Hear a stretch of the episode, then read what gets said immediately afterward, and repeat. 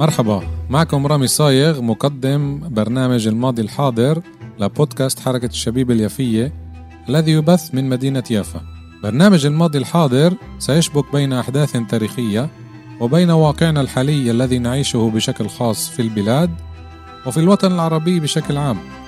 سأستضيف من خلال البرنامج شخصيات يافوية وفلسطينية للبحث في هذه الأحداث.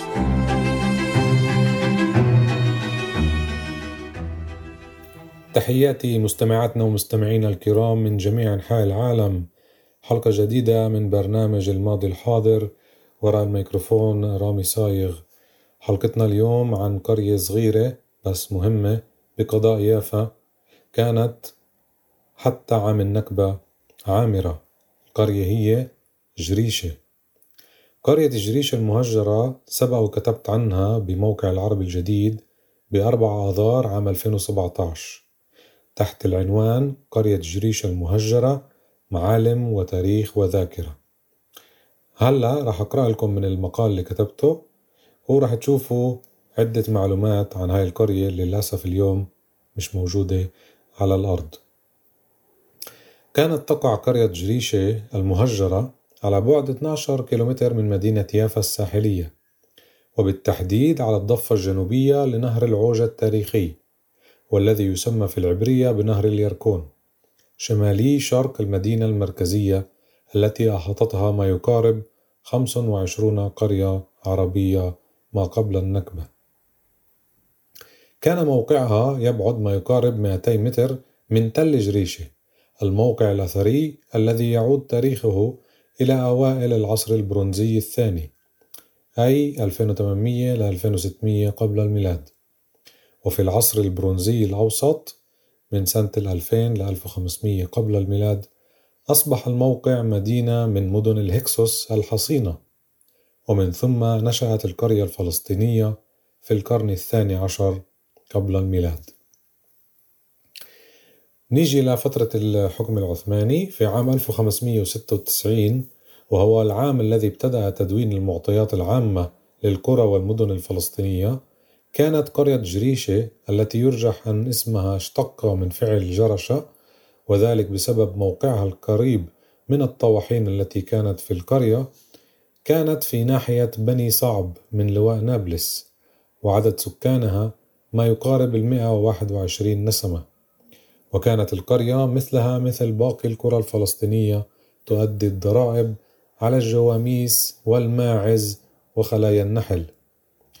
تشير المصادر التاريخية إلى أنه كان للقرية بئر وطحونة تتفرع لسبعة أجزاء وسكانها من المسلمين الذين عملوا في الزراعة إذ كانت مساحة أراضي القرية الزراعية 302 دنم مخصصة للحمضيات والموز ومساحة 89 دنما مرويا أو مستخدما للبساتين بالإضافة إلى تربية المواشي والعمل في قطاع الخدمات في مدينة يافا. كما وكانت القرية قريبة إلى الغابات الطبيعية التي ملأت منطقة نهر العوجة. الأمر الذي جذب أهالي يافا للتنزه وبشكل خاص في فترة الربيع وعيد الفسح المجيد والعطلة الصيفية. نهر العوجة على فكرة منبعه من رأس العين شرق مدينة يافا يبعد يعني مسافة ساعة بالسيارة ويتفرع ومساره أعوج مشان هيك اسمه نهر العوجة. اليوم في بقايا من القرية نفسها بس بالمنطقة اللي قريبة على آه، النهر. احتلال القرية. سقطت القرية مثل باقي قرى يافا قبل انسحاب الجيش البريطاني وإعلان اليهود عن دولتهم على حساب الفلسطينيين المهجرين والمنكوبين والمقتولين. وبالتحديد في الأول من نيسان عام 1948 إذ يعتقد أن أهالي القرية نزحوا من قريتهم بسبب الحدث الذي حصل في القرية المجاورة أبو كشك سبق وعملت حلقة عن أبو كشك اللي هي برضو قضاء يافا. والذي أشار هذا الحدث إلى اختطاف خمسة من زعماء القرية وذلك من أجل ترهيب السكان الآمنين وخلق الفوضى وترك المجال لهم بالنزوح شرقا إلى مناطق لم تستولي عليها القوات اليهودية وبالتحديد المناطق التي حماها الجيش الأردني في تلك الفترات مثل قرى المثلث الفلسطينية جنين ونابلس وطول كرم بعد التهجير سيطرت القوات اليهودية على القرية وضم الاحتلال مساحات شاسعة من مسطحات القرية لمستعمرة رمضان التي تأسست عام 1921 جنوب غرب قرية جريشة. وقتها حكيت مع السيد سيد توخي من سكان يافا وقال لي إنه هو عيلته من هاي القرية وحكى لي كيف أبوه ما قبلش يترك فلسطين. فقال لي هيك قرية جريشة تهجرت قبل النكبة بكم شهر والرواية العائلية بتقول إنه سيدي أبو أمي ما رضيش يترك فلسطين وصمم يبقى بيافا رغم الفوضى ورغم الوضع الصعب ورغم الأحداث اللي صارت. وبوقتها كمان اتدهور الوضع عند كل القرى مش بس قرية جريشة. والأوج تبع كل هاي الأحداث طبعا بشهر أيار سنة الثمانية وأربعين. وأصر سيدي إنه لازم يبقى بفلسطين عكس أخوه اللي قرر يترك البلاد ويفتش على محل آمن بعيد عن المعارك اللي كانت بيافا وقضائها. وكمان قال لي إنه العيلة نزحت بشهر نيسان لحي المنشية اللي لسه كان بين المعارك هاي اللي آه، كانت بين الطرف الفلسطيني واليهودي.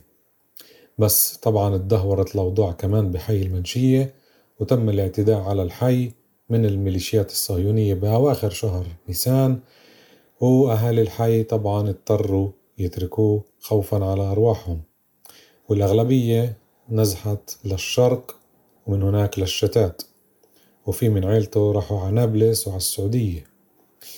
بس بيقول إنه سيدو بقي بيافا رغم الدمار ورغم تدمير منشية الحي الكبير هذا اللي موجود على الشاطئ شمال مدينة يافا وسكن ببيوت يافا القديمة وبالآخر كمان هاي البيوت طبعا تهجرت.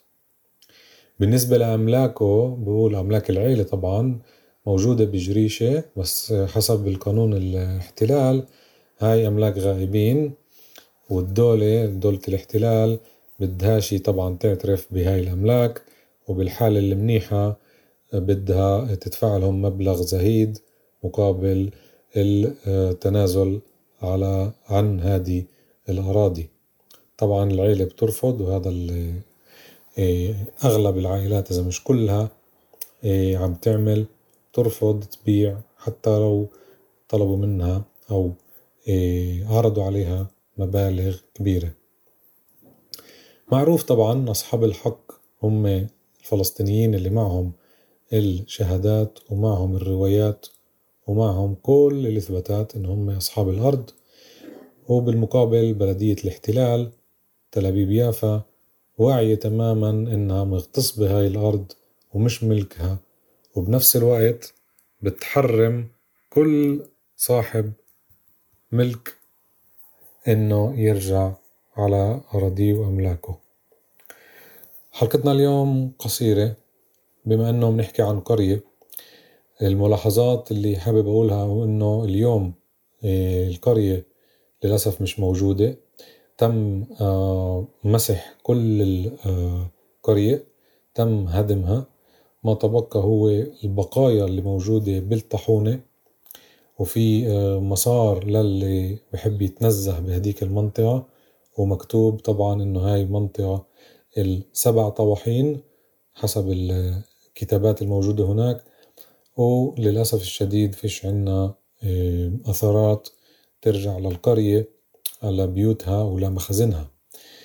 آه، بس بالطريق اللي حكيت عنه بين آه، راس العين لمدينة يافا في طبعا بقايا لمباني عامة كانت موجودة ومأهولة لحد النكبة. إيه، أهل جريشة زي أهل كل قرى يافا أغلبيتهم العظمى نزحوا بسبب الحرب والقتال وملاحقة الفلسطيني شرقا نحو الضفة الغربية أو شرق فلسطين أو حتى إلى ما عبر الأردن. حلقتنا اليوم زي ما قلت قصيرة بأمل إنه تكون وصلت الهدف. قرية جريش اليوم بيقولوا لها للأسف بالعبري الاسم تبعها بارك يركون إيه، يعني منتزه اليركون بس حابين نقولكم إنه هذا مش منتزه إنما كانت قرية وجنبها منتزه لأنه أهل يافا صاروا بالفترات ما قبل النكبة يطلعوا ويتنزهوا هناك زي ما قلت خاصة بالأعياد وبالربيع وبفصل الصيف. اليوم العادة رجعت طبعا مش من اليوم بعد عشرات السنين من النكبة رجعوا أهالي يافا لهاي العادة اللي بعد الأعياد بعد الصلوات يروحوا يتنزهوا لأنه هاي كانت الإمكانية الوحيدة ما قبل السفر إلى خارج البلاد.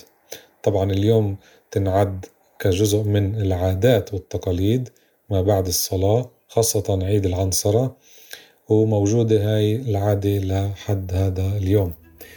شكرا لحسن استماعكم. بحب أذكركم بتطبيقاتنا المختلفة سبوتيفاي بودبين أبل كاست جوجل كاست وعندنا صفحتين على الفيسبوك. حركة الشبيبة اليافية اللي موجود فيها كل يوم تفاصيل ومعلومات وحتلانات. وطبعا صفحة بودكاست حركة الشبيب اليافية عندنا برامج متعددة أيام اثنين وخميس. زي دايما بحب أسمع منكم تعليقات وبحب كمان نكبر معكم والتنزيلات طبعا عم تكتر وتكتر من يوم ليوم. شكرا لحسن استماعكم. نلتقي الحلقة القادمة. الله معكم.